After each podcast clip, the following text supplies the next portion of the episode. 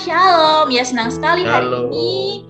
Iya Kak, hari ini kita bisa berjumpa kembali di Pot Bunga Podcast Pertumbuhan Siswa bersama Eca di sini. Di tengah-tengah pandemi ini yang semakin membludak, berharapnya teman-teman semua eh, selalu jaga kesehatan. Sama seperti pembahasan podcast kita sebelumnya eh, bersama Kak Mes dan Kak Ellen yang kita harus tetap waras di tengah-tengah pandemi.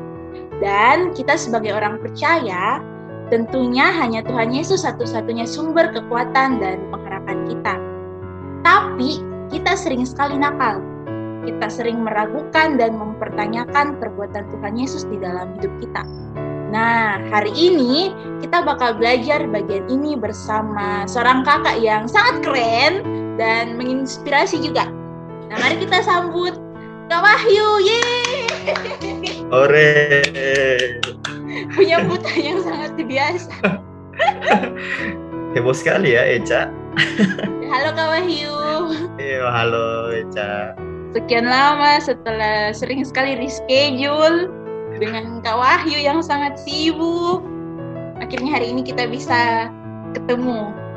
Enggak sih, enggak sibuk ya iya, cuma ya Kok sibuk? Begitu belum ada waktu pas yang untuk take toh.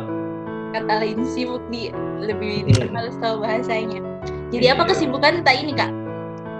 Ya kesibukannya kerja. Oh iya guys, for your information, Kak Wahyu ini yang punya eh, PLN daerah Gorontalo. Bagaimana Kak Wahyu? Bukan punya, bertugas. Iya Kak, jadi penempatan tak itu di Gorontalo di bagian mana kalau boleh tahu?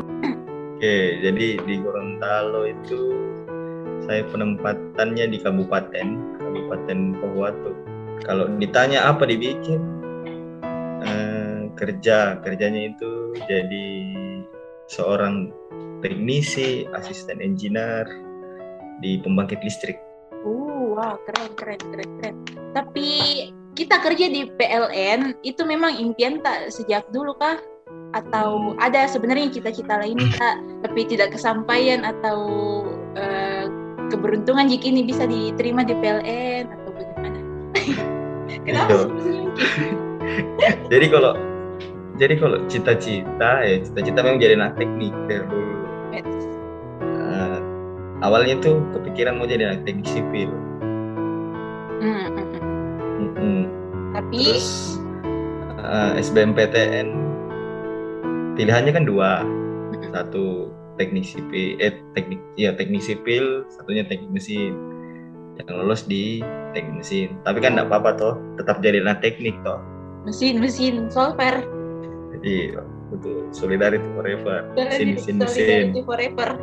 Setelah selesai dari teknik mesin, kan cita-citanya kerja di perusahaan penerbangan. Wow. Ya, sempat sempat ikut seleksi CPNS dua tahun berturut-turut ngambil posisi apa? Saya ambil posisi yang sama di analis penerbangan di bandara tuh. Ya, cuman ya, mungkin eh, belum di sana. Eh, hasil tesnya juga eh, menyatakan tidak lulus, belum lulus di sana, tapi sudah memberikan effort, memberikan eh, usaha yang maksimal lah, mengikuti pendaftaran, mengikuti tes, mengikuti seleksi kebugaran. Ya tapi memang belum di situ. Jadi ya PLN tes di PLN itu setelah setelah mengikuti dua tahun seleksi eh, CPNS di Kementerian Perhubungan Jadi bisa dibilang nganggur Ki itu eh, dua tahun di Kak. nganggur ya istilahnya apa ya bukan nganggur cak Oh, aku banyak bahasa bahasa harusnya. mempersiapkan diri untuk yang lebih baik Iya, mempersiapkan diri menjadi lebih baik. Eh, pernah ndak Kak Wahyu em, ada di titik-titik jenuh selama dua tahun mempersiapkan diri itu untuk akhirnya bisa dapat eh, pekerjaan tak yang sekarang. Eh, bagaimana perasaan tak juga Kak ketika tahu dua tahun mikir mencoba mencoba tes CPNS di posisi yang sama tapi tidak keterima. Bagaimana? Ayo, ayo, ayo. kalau ditanya kalau ditanya jenuh pastilah dong. Maksudnya melihat teman-temanku yang lain sudah dapat pekerjaan sedangkan saya masih berjuang. Kadang juga berpikir uh, apa yang kurang evaluasi diri tuh saya saya lihat apalagi yang kurang yang harus saya bikin.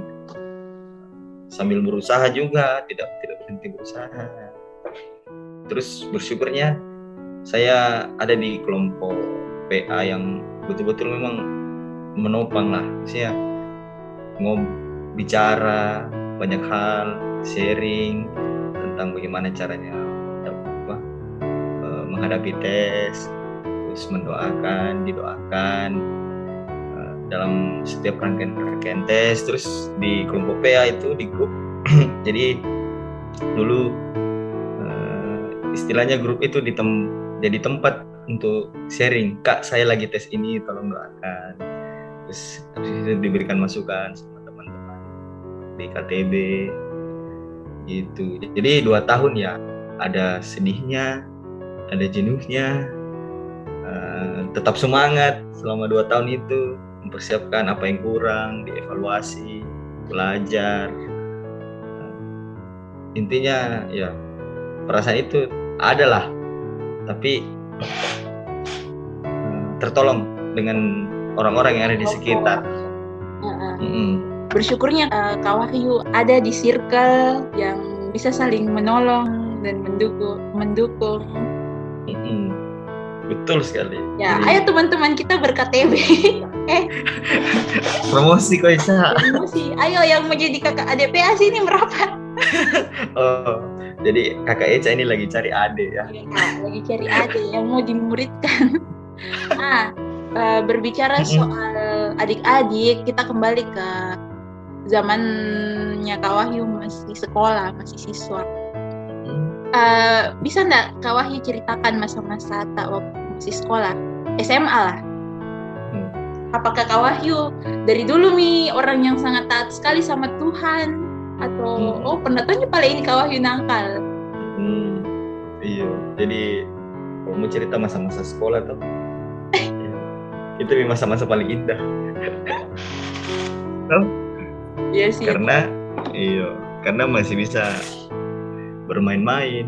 Maksudnya bermain-main dalam artian ya masih bisa nongkrong sama teman ketemu sama teman-teman jadi kalau di Semansa dulu pulang sekolah sehingga di samping sekolah main bola sampai sore.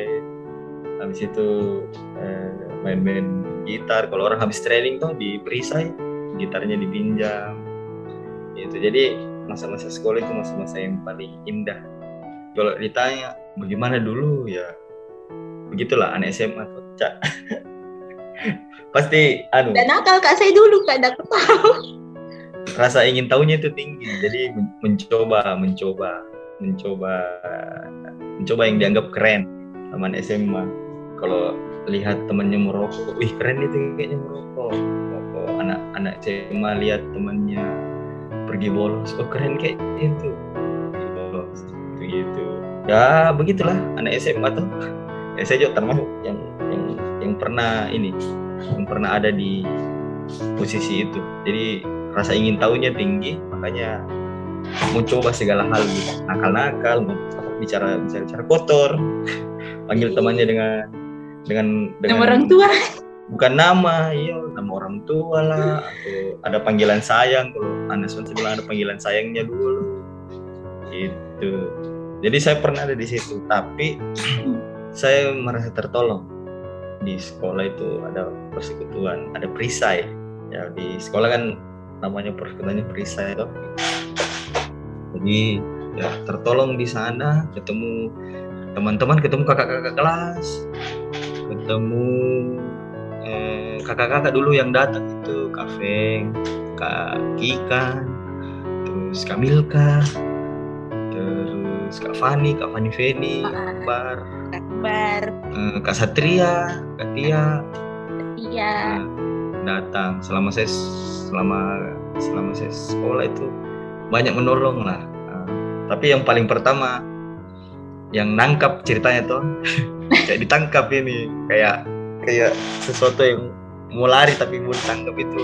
Uh, pertama kali ketemu sama Kak Kikan Kak Rizky. Oh Kak Kikan. Mm -hmm. sebenarnya ketemunya itu sering gitu. Cuman yang betul-betul rasakan bisa sharing banyak hal bisa bisa cerita banyak hal itu pas pulang pasca saya kelas 1 pasca pulang pasca ketemu sama kaki kan ngobrol di pasca atau momen pasca. Tahu itu paskanya paskanya anak sekolah. Yang bagaimana kegiatan? Pasti dirasa di semua itu.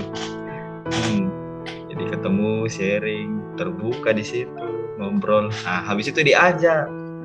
Mau ndak ikut yang namanya kelompok PA Ih, saya tanya apa itu kelompok PA kan tidak tahu toh dulu cuman memang dulu sering lihat uh, kakak kelas di kakak kelas di atasku itu sering-sering kumpul, sering-sering uh, cerita-cerita, ketawa-ketawa, lihat ih kumpul berdoa.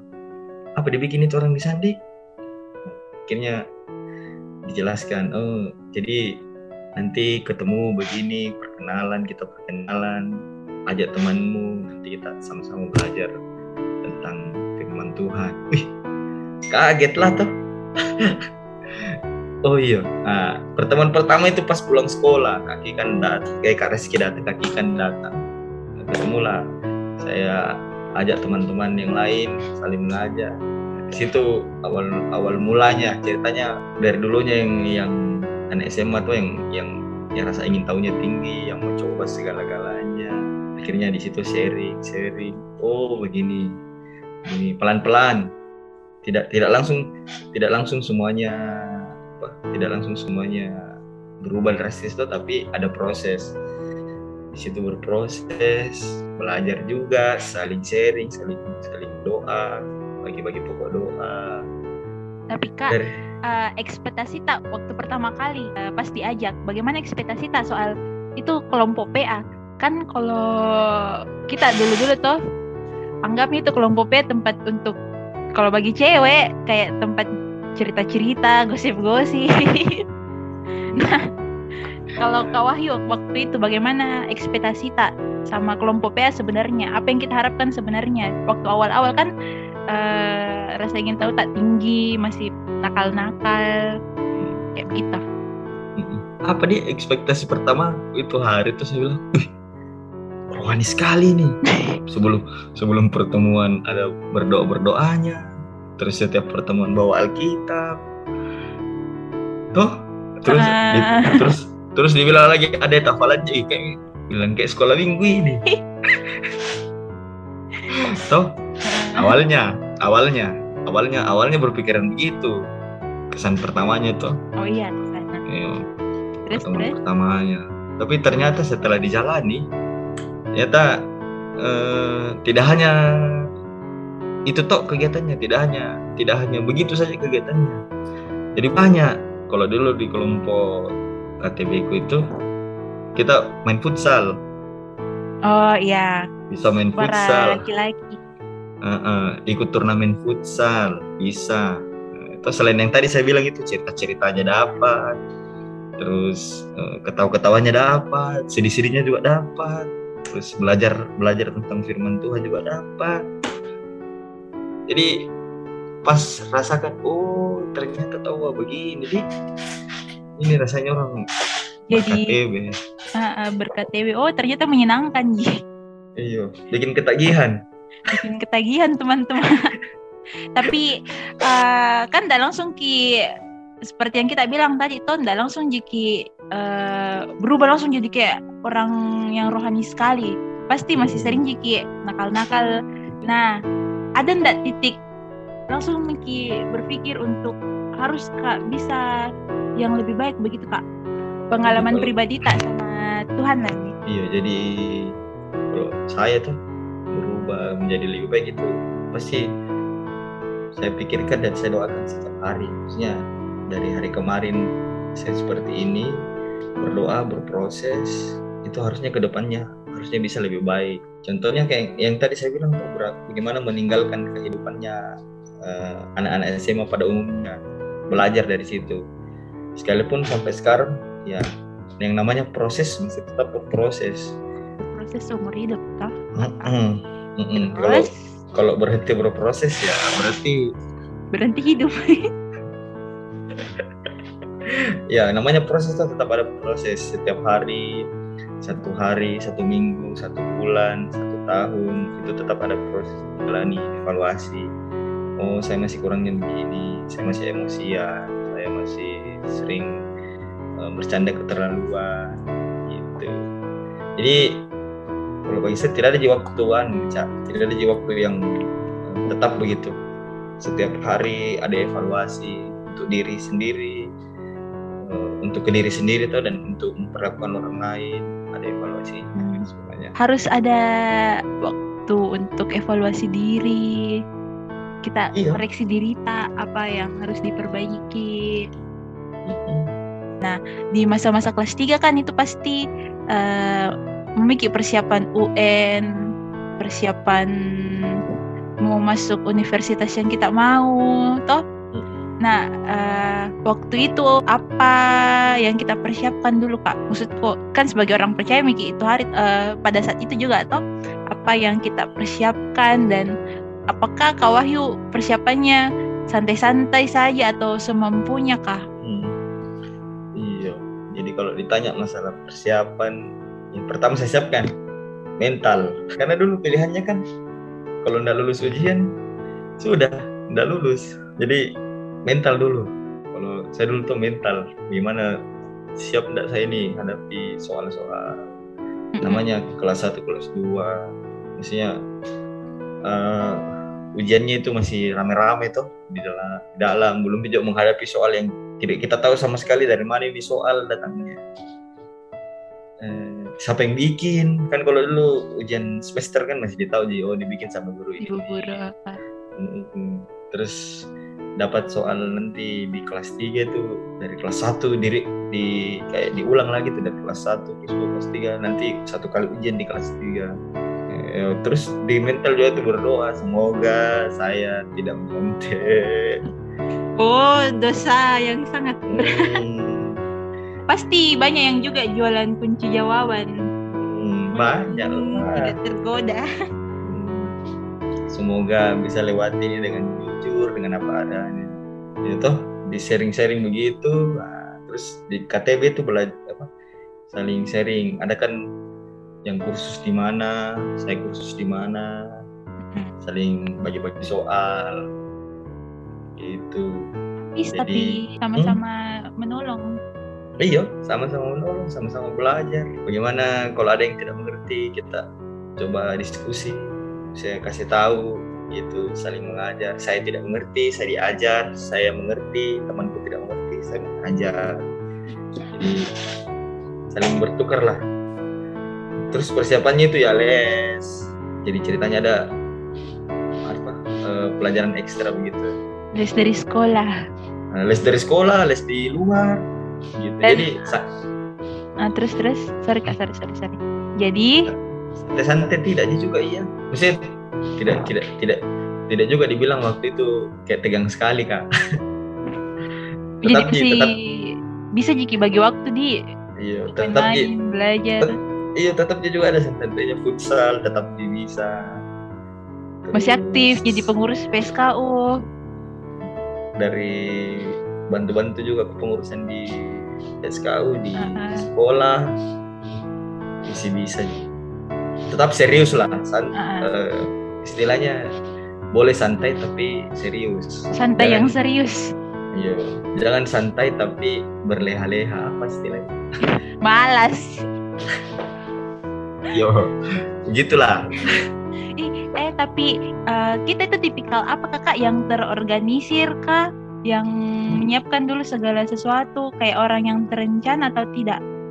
Karena kayak bisa sekali ki untuk atur waktu tak. terorganisir. Jadi semuanya itu eh, ada di semua saya, saya catat langkah-langkahnya. Mau ini mau ini mau ini catat. Untuk dapat ini bagaimana untuk dapat itu bagaimana. Eh boleh ki. boleh ki mungkin uh, share sama teman-teman sama adik-adik yang mendengar podcast ini tahu bagaimana caranya untuk uh, bikin itu perencanaan. Mengorganisir setiap aktivitasnya kita. Jadi kalau misalnya mau organisir aktivitas toh harus kita dulu bikin yang mana prioritas tak tetapkan dulu tetapkan dulu skala prioritas. Terus habis itu uh, setelah ada prioritasnya lihat dari kemampuannya kita. Misalkan kemampuan hadir bisa tidak hadir di tempat itu kalau memang membutuhkan kehadiran. Terus uh, ada ndak ada ndak uh, kayak kekuatannya kita yang bisa kita manfaatkan di situ? Atau ada yang membutuhkan bantuan orang lain? Itu uh, melihat juga jadwal waktu. Jadi semuanya itu harus sinkron lah. Skala prioritas habis itu uh, kita tetapkan yang mana kita bisa uh, laksanakan dengan uh, yang kita punya lah. Itu tapi uh, sekalipun kita orang yang terorganisir uh, pernah enggak Kak Wahyu uh, salah mengambil keputusan? Pernah enggak hmm, dan akhirnya menyesal ki atau bagaimana? Iya kalau salah mengambil keputusan enggak sih ya? Maksudnya bukan salah mengambil keputusan mungkin tapi dari melihat dari perencanaan yang dibikin tuh kayak meleset kita dari harapannya kita.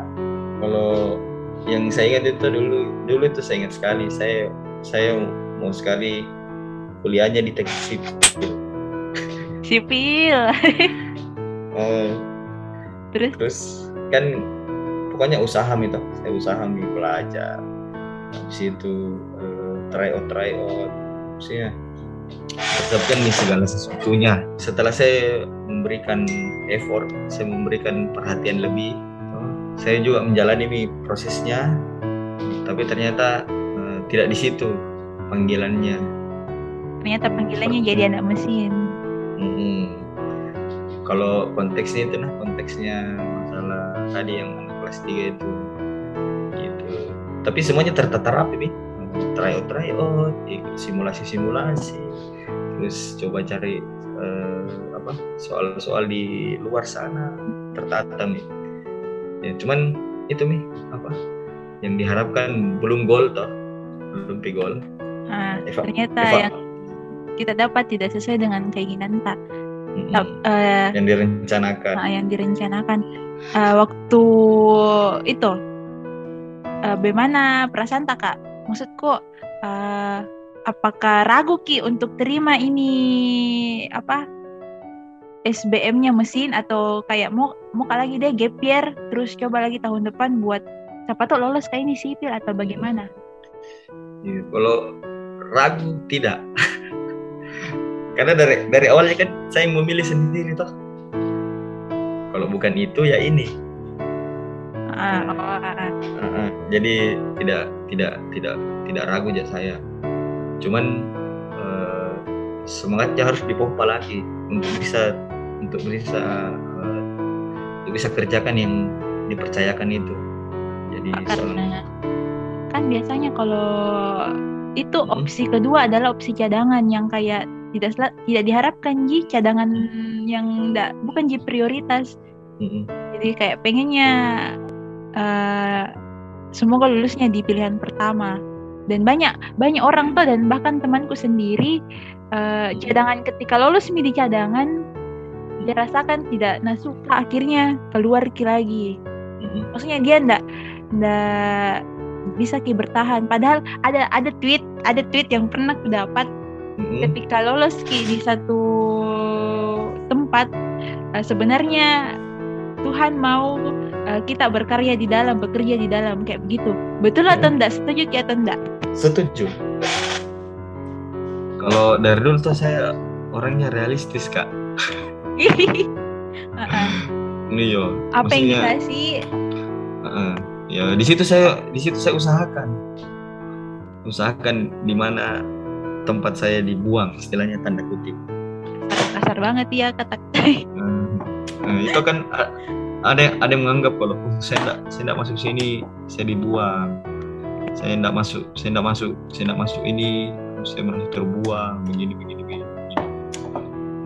Tapi kalau bagi saya saya dari dulu orangnya realistis. Karena sudah mi sudah mi rencanakan dan memang matang nih kak memilih waktu itu. Jadi apa pun apa pun yang terjadi apa pun yang lulus ya di situ misalnya harus memang mengusahakan percaya Ki juga bahwa Tuhan juga akan menolong Ji sangat. Betul. Sangat. Sangat percaya. Karena kalau orang yang sedih dengan pilihan yang tidak anda inginkan jadi seperti kayak meragukan di kak. Iya tapi tapi manusiawi manusiawi ji kalau ada yang sedih sesaat begitu yang jadi masalah itu ketika dia sedih apakah dia bisa bangkit lagi? Tidak apa-apa ji orang sedih maksudnya pilihan ketika pilihan pertama dia tidak dapat dapatnya pilihan kedua dia sedih iyo dap, manusiawi lah sedih toh. Oh jadi Iya. betul di. Itu statement yang kayak eh, gak apa-apa sedih gak apa-apa ji khawatir manusiawi ji. Jalani saja dulu jalani saja yang ada karena berlalu gitu setuju dengan statement yang kayak begitu kak? Kalau saya mungkin agak berbeda sedikit. Kalau saya bilang boleh kalau saya kalau saya mau bilang tuh boleh kok sih. Boleh kita boleh sedih. Kalau misalkan eh, apa yang kita eh, harapkan itu belum tercapai. Tapi percayalah apa yang kita pegang apa yang kita pegang sekarang eh, itu semuanya harus kita usahakan. Karena eh, kita hidup ini bukan kita sendiri maksudnya. Bukan kita sendiri yang menentukan Toh, Tuhan yang tentukan. Jadi lagi-lagi ya, sedih boleh tapi harusnya tetap bersyukur lah. Maksudnya tetap sedih sedih jangan terlalu lama. Gak boleh berlarut be- berlarut larut. Yo jangan jangan terlalu lama berlarut-larut evaluasi. Terus kalau misalkan dipercayakan sesuatu yang memang eh, belum menjadi pilihannya kita ya di situ kita harus berusaha maksimal. Karena itu yang tadi Eca bilang ada maksudnya ada maksudnya Tuhan di sana kenapa sih bukan A? Eh kenapa sih bukan B? Harus A. Berarti Tuhan punya maksud eh, apa? Eh, Eca harus bikin apa di A? Atau Eca harus bikin atau saya harus bikin apa di B? Gitu. Nah tapi dalam perjalanannya ya, jangan lupa tanya juga sama Tuhan. Tuhan saya mau bikin apa di A? Saya mau bikin apa di B? Gitu.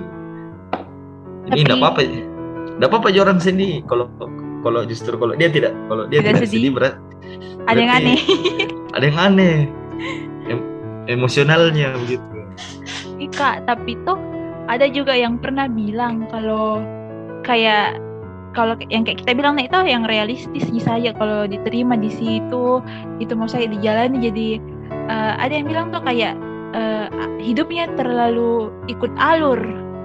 Bagaimana bagaimana menurut Kak itu Kak? Kayak lurus-lurus di saja kalau karena ikut apa yang ada di depannya. Kalau saya sih re- realistis itu tuh bukan bukan maksudnya ikut arus saja. Menurutku realistis itu bukan harusnya ikut arus saja, tapi orang realistis itu tahu nih di situ di situ kita ditempatkan, di situ kita dikasih kesempatan, ya kita mengusahakan itu dengan sebaik mungkin. Jadi bukan bukan dalam artian karena saya ditaruh karena saya di situ ditempatkan atau saya di situ dikasih kesempatan, ya mau mi bagaimana eh, sambil berjalan mi waktu saya juga ikuti mi arus. Arusnya ke A saya ke A. Tapi kayak tidak punya prinsip begitu ya. Orang realistis itu eh, tetap punya prinsip. Jadi tetap mengusahakan yang terbaik. Walaupun memang eh, harus menerima harus menerima di sana. Dia diberikan kesempatan dia diberikan eh, dia diberikan ya diberikan kesempatan atau di sana ya harusnya dia tetap tetapkan target di sana jadi menurutku nah itu yang namanya ikut-ikut arus justru bahaya kalau misalkan kalau misalkan arusnya yang kebaik eh, yang eh, syukur tuh maksudnya kalau arusnya arusnya mengarah ke yang baik-baik gitu kalau memang ada istilah orang hanya hidup dengan ikut arus tidak punya tidak punya prinsip begitu gampang bahaya. ambing. Heeh. bahaya ya kalau arusnya mengarah ke tempat yang baik kalau arusnya mengarah ke tempat yang buruk curang Miki. itu jadi tetap eh, realistis dan punya prinsip realistis tapi punya prinsip. Oke, adik-adik itu pesannya Kak Wahyu. Eh, oh ya Kak, jadi apa motivasi tak sampai itu nak Kak kembali ke lagi ke cerita ke cerita kisah tak pengalaman tak waktu yang dua tahun ki coba CPNS akhirnya tahun ketiga, ketiga bisa ki tembus PLN toh uh, apa motivasi tak sampai bisa ki lagi uh, bangkit bisa ki lagi berjuang hmm. tidak putus asa. Kayak sedih sekali kayak sedih sekali cerita kayak, kayak sedih Jadi nangis kak. Tidak tapi betulan kak. Kayak, kayak kayak sedih sekali nih cak kau bilang gitu. Nanti adik-adik trauma. Adik-adik jangan trauma ya. Jangan teman-teman. Jangan trauma ya sahabat tau ada yang ada yang bilang eh begitu sih pak adik. Uh, enggak tahu kak. Penyemangat ini. Karena kan oh. sejatuh-jatuh tak tahu akan di akan diangkat lagi jadi iya, iya. jadi untuk adik-adik nanti yang dengar ini ini pengalaman saya ya. Jadi ya jangan di sama ratakan begitu. Adik-adik punya punya jalannya masing-masing. Ini sekedar uh, masukan lah. Mungkin ada yang sedang ada di posisi ini sekarang atau mungkin uh, takut ada di posisi yang kayak yang kita bicarakan di sini kita bisa ceritanya saling sharing bertukar bertukar banyak hal uh, belajar satu sama lain. Jadi apa motivasi kakak untuk selalu semangat buat terus berjuang? Iya jadi ya tadi kan saya bilang saya itu orangnya realistis. Dari dulu sangat realistis jadi tidak pernahkah itu menganggap uh, apa yang dipercayakan kepada saya itu tidak saya usahakan dengan baik dengan semaksimal mungkin. Toh dengan dengan dengan kejadian yang sudah dilewati itu coba tes berkali-kali tidak diterima berkali-kali evaluasi diri apa yang kurang apa yang harus saya tingkatkan gitu jadi untuk bangkit lagi ya saya tetap punya target. Jadi di, di setiap kita mengusahakan sesuatu harus kita punya target. Ini harus kita bikin planning tak sendiri. Harus kita mengusahakan lah sebaik mungkin. Dan jangan lupa juga yang paling penting didoakan. Iya. Oh jadi, jadi ya jadi? Jadi jangan sampai ada orang yang doanya lancar tapi dia tidak mau berusaha ada juga orang yang berusaha terus tapi tidak mau berdoa. Karena tadi yang saya bilang apa pun yang terjadi di kehidupannya kita tuh itu semua sudah dituliskan sama Tuhan. Tuhan sudah uh, merencanakan sesuatu yang baik yang untuk kita kerjakan. Harus orang et labora kak berusaha dan berdoa juga. Yesus 2 ayat 10 tuh. Tuhan sudah eh. merencanakan hal-hal baik sebelumnya kita kerjakan gitu. Jadi percayalah apa yang adik-adik teman-teman lah jangan adik-adik deh. Ih sama mudah sekali. Masih teman-teman. Jadi apa yang teman-teman kerjakan percayalah itu. Teman-teman sedang mengerjakan hal-hal yang baik. Jangan lupa didoakan. Jadi semakin hubungan pribadi tak sama Tuhan jadi semakin dekat juga di kak di dalam proses itu di selama selama tak berproses. Kalau saya sih bukan bukan jika karena proses jadi dekat tapi memang harus dekat. Harus dekat harus karena karena kan uh, harus kita bertanya apa yang kita mau bikin. Sebelum kita bikin kita tanya dulu sama yang, yang mempunyai kehidupan ini. Iya. Karena jadi uh, jadi, jadi jangan sampai jangan sampai nanti di eh, ada di fase mencoba mencoba mencoba dan gagal baru bertanya. Harusnya ditanya bertanya dulu. memang dulu nih supaya tidak tersesat. Iya. ditanya diusahakan.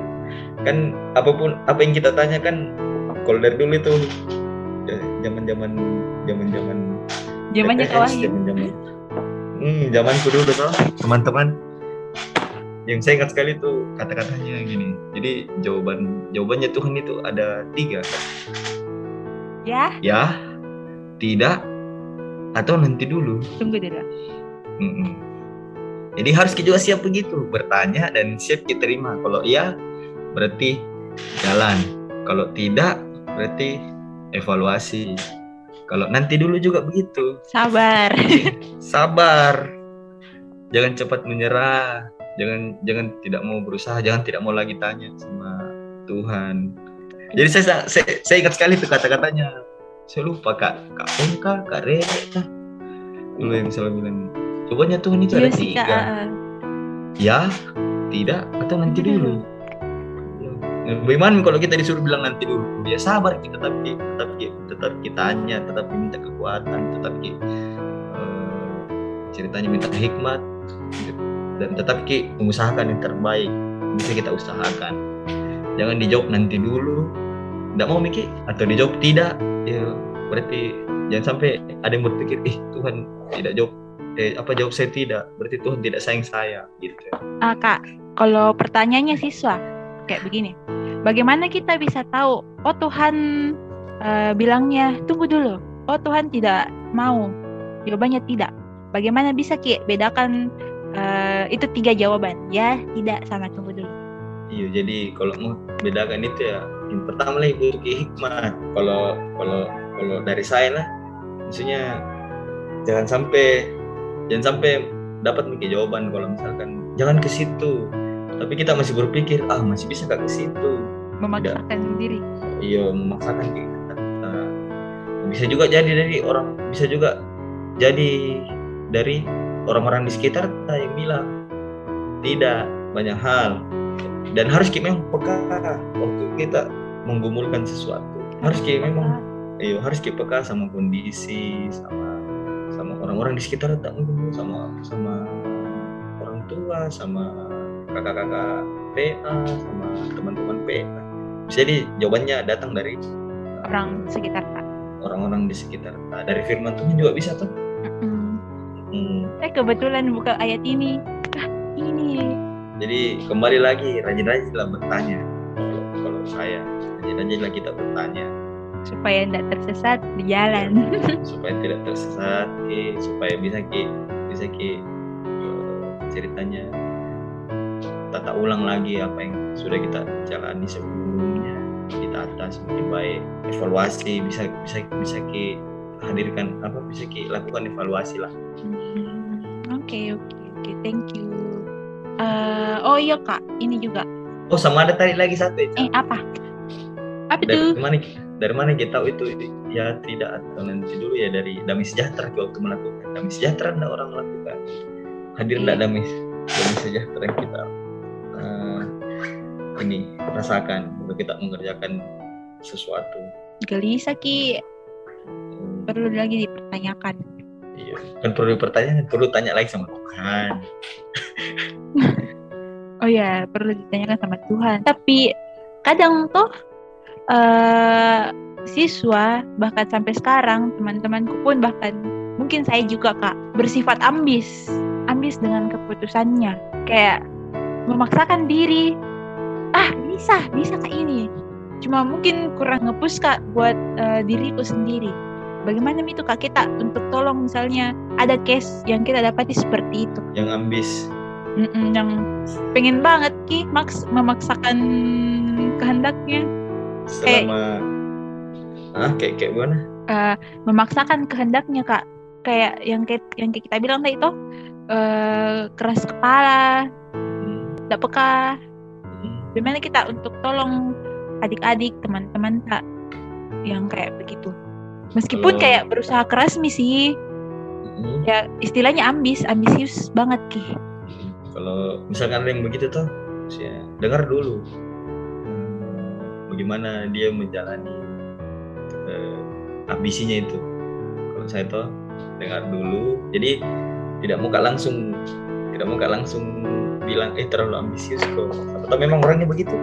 Kalau tadi memang siapa tahu memang dia tahu memang dia punya mi ceritanya targetnya itu jadi ceritanya dibilang mi ambis sama orang lain gitu. yang kedua tanyakan saya melihat dan menanyakan uh, caranya mengejar ambisinya gitu jangan sampai tuh misalkan ada orang yang ambisi sekali akhirnya menghalalkan segala cara toh yeah. menjatuhkan orang lain lah ini tidak bisa di tidak bisa dipungkiri juga ada orang yang seperti itu mm -hmm. tanyakan eh, tanyakan bagaimana caranya merealisasikan ambisinya sejauh ini sejauh dia merealisasikannya nah, terus yang ketiga saya tanya sudah mau tanya Tuhan itu ambisi jangan sampai yang yang yang apa yang yang yang kau kejar itu sebenarnya bukan di situ. Jadi kan menghabiskan banyak banyak buang-buang waktu. banyak menghabiskan banyak waktu materi mungkin dan tenaga. Tapi menurutku kalau kalau seseorang punya ambisi dan dia tahu cara melakukannya uh, dengan benar bukan dengan baik lah dengan benar. Karena baik belum tentu benar. Uh, karena baik karena baik baik menurut orang itu. Baik ya, jangan sampai dia bilang tidak apa-apa jadi tidak apa-apa jadi saya kasih jatuh temanku. Tidak apa-apa jadi saya singkirkan. Tidak apa saya singkirkan orang itu untuk menggapai ambisi. Saya jangan sampai lah toh. Intinya eh, kalau ambisius ya pasti semua orang punya ambisi lah. Eh enggak enggak belum tentu nak kak. Kalau menurutku seseorang tetap punya ambisi. Misal Eca ambisinya lulus eh, setelah lulus tepat waktu misal gitu. Hmm, terus ada ada juga yang ambisinya saya harus lulus dengan punya pengetahuan A B C D sampai Z. Atau saya saya nanti harus lulus dengan punya sertifikat A sampai Z misal begitu. Tidak masalah. Tetap, tapi tetap, ada ada ada naka tipe orang yang tidak seperti itu yang tidak punya tujuan. No life. Istilahnya beda orang no life.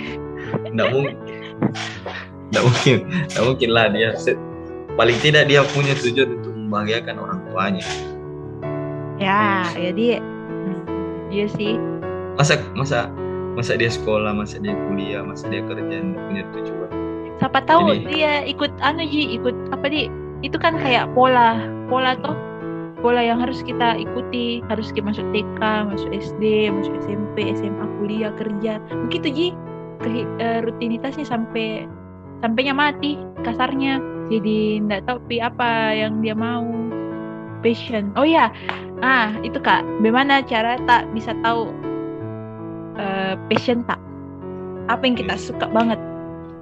Jadi sebelum saya jawab itu saya jawab dulu. Jadi jangan sampai ada orang yang berpikiran saya hidup hanya sekedar untuk hidup. Oke, dipersilahkan. Toh, jangan sampai uh, dari tadi ambisius toh, maksudnya dari dari orang ambisius. Kalau menurutku wajar orang semua punya ambisi.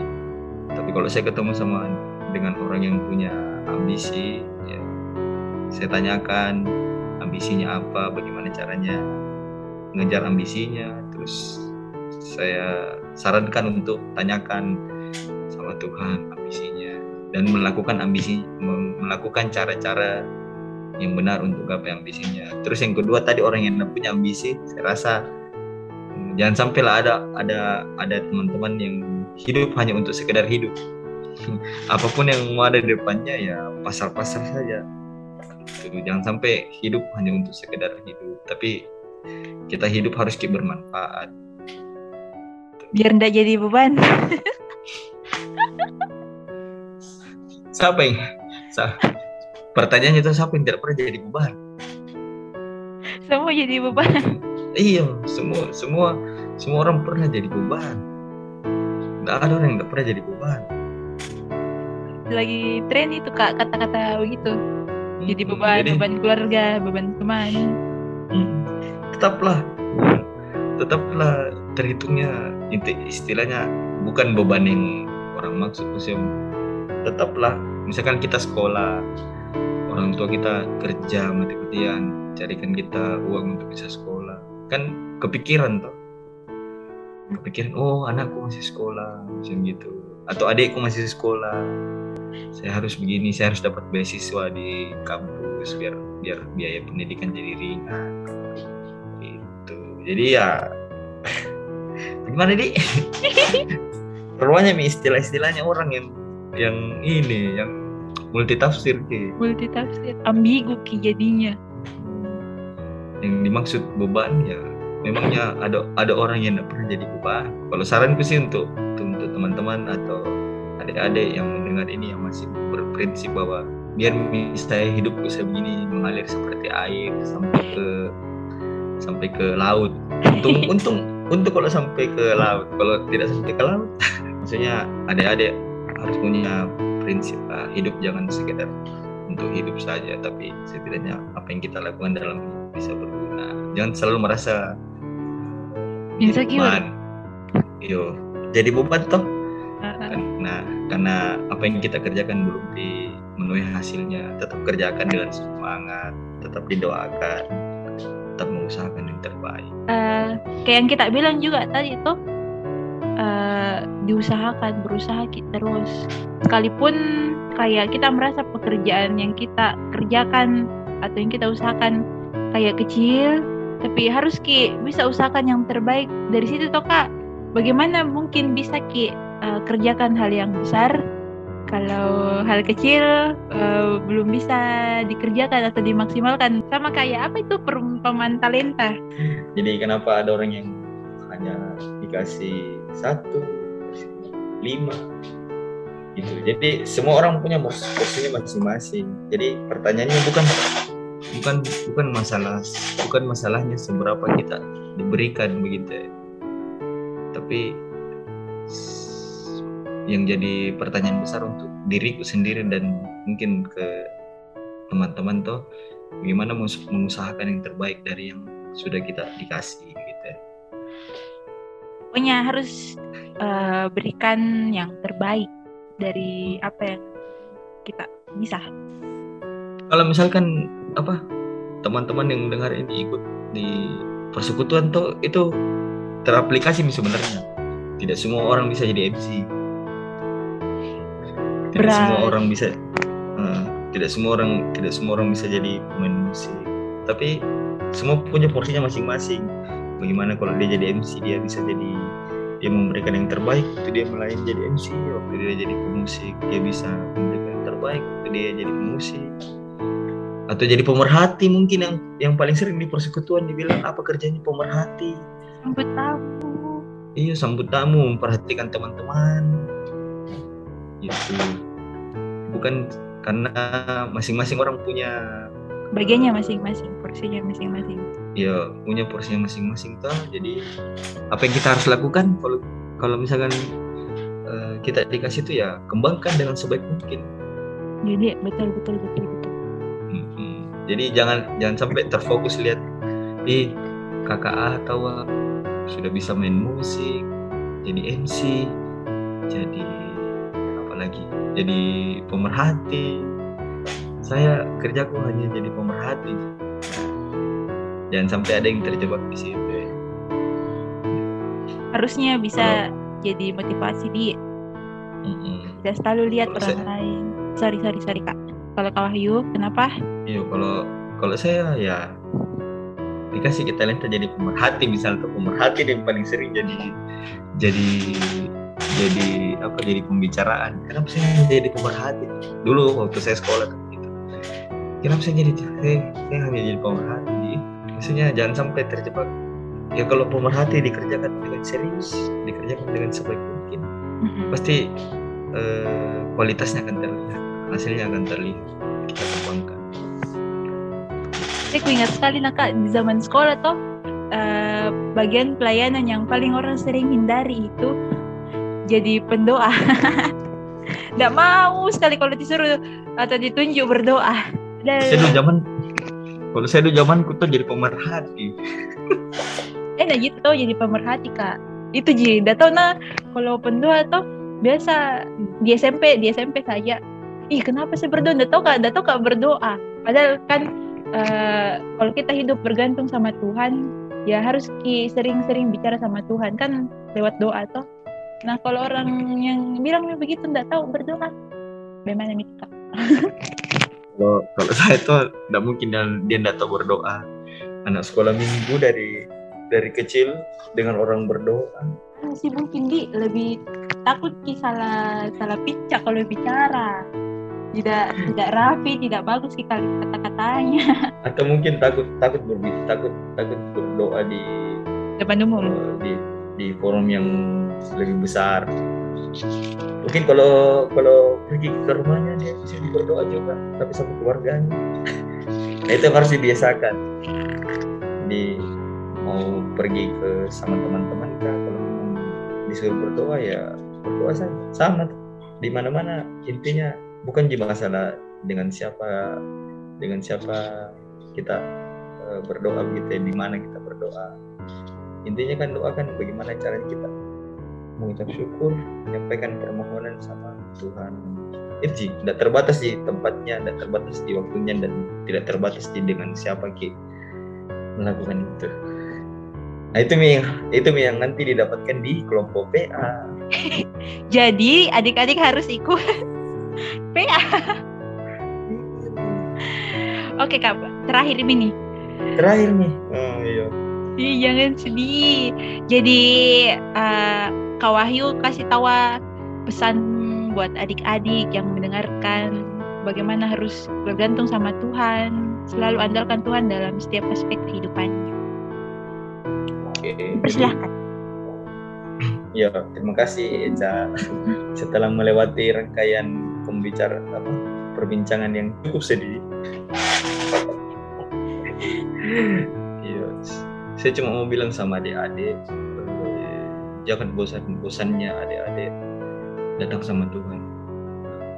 Datang sama Tuhan itu tidak harus di ketika adik-adik lagi terpuruk lagi sedih gitu.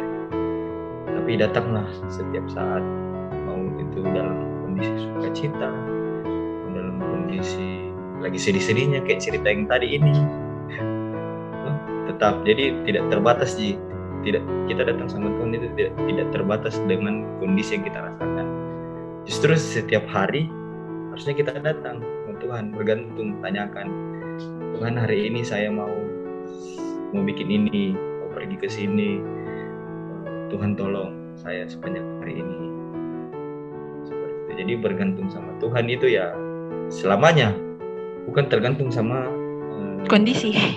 kondisi atau situasi yang sedang kita rasakan gitu.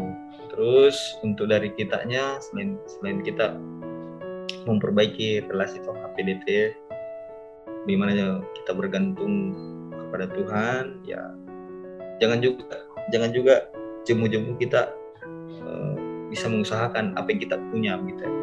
apa yang kita dikasih kepercayaan kita bisa kita bisa kembangkan dengan baik kita bisa usahakan dengan baik. Gitu. Percayalah setiap apa yang kita kerjakan itu adalah hal yang baik yang Tuhan sudah rencanakan sebelumnya. Jadi bagaimana caranya nanti mempertemukan antara yang Tuhan mau dengan yang kita usahakan. Itu saja kak. Iya itu J. Uh, lebih, lebih lebih pekah lah, lebih pekah. Lebih pekah tidak keras kepala sama yang hmm. diinginkan. Harus tahu apa yang kita inginkan sama apa yang kita butuhkan. Hmm. Betul Kak Wahyu? Cocok, cocok nih.